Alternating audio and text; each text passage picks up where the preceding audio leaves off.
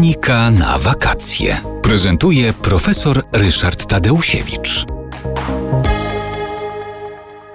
Obserwując zwłaszcza lądowanie samolotu, bo wtedy e, wszyscy począ się przy oknach i wypatrują miejsca, gdzie, e, gdzie mają spędzić na przykład wakacje, e, widać, że coś się dzieje ze skrzydłami samolotu.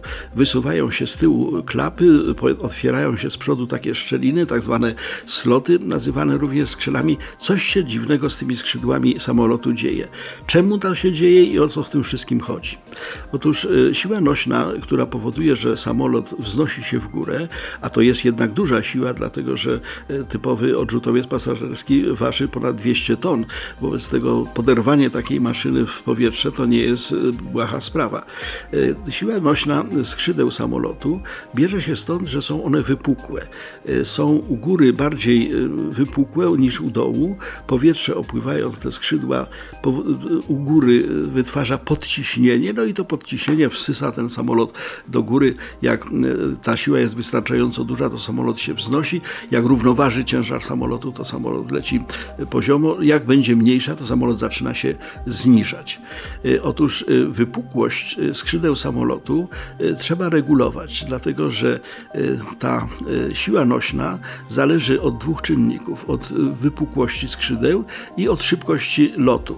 Im większa szybkość lotu, tym mniejsza może być wypukłość, żeby można było zapewnić samolotowi bezpieczeństwo bezpieczny lot.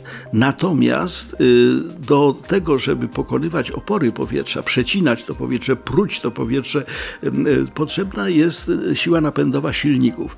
Im skrzydła są bardziej wypukłe, tym tego, tej benzyny do napędu samolotu potrzeba więcej. Stąd, bo, gdy samolot leci na dużej wysokości, skrzydła stają się maksymalnie płaskie.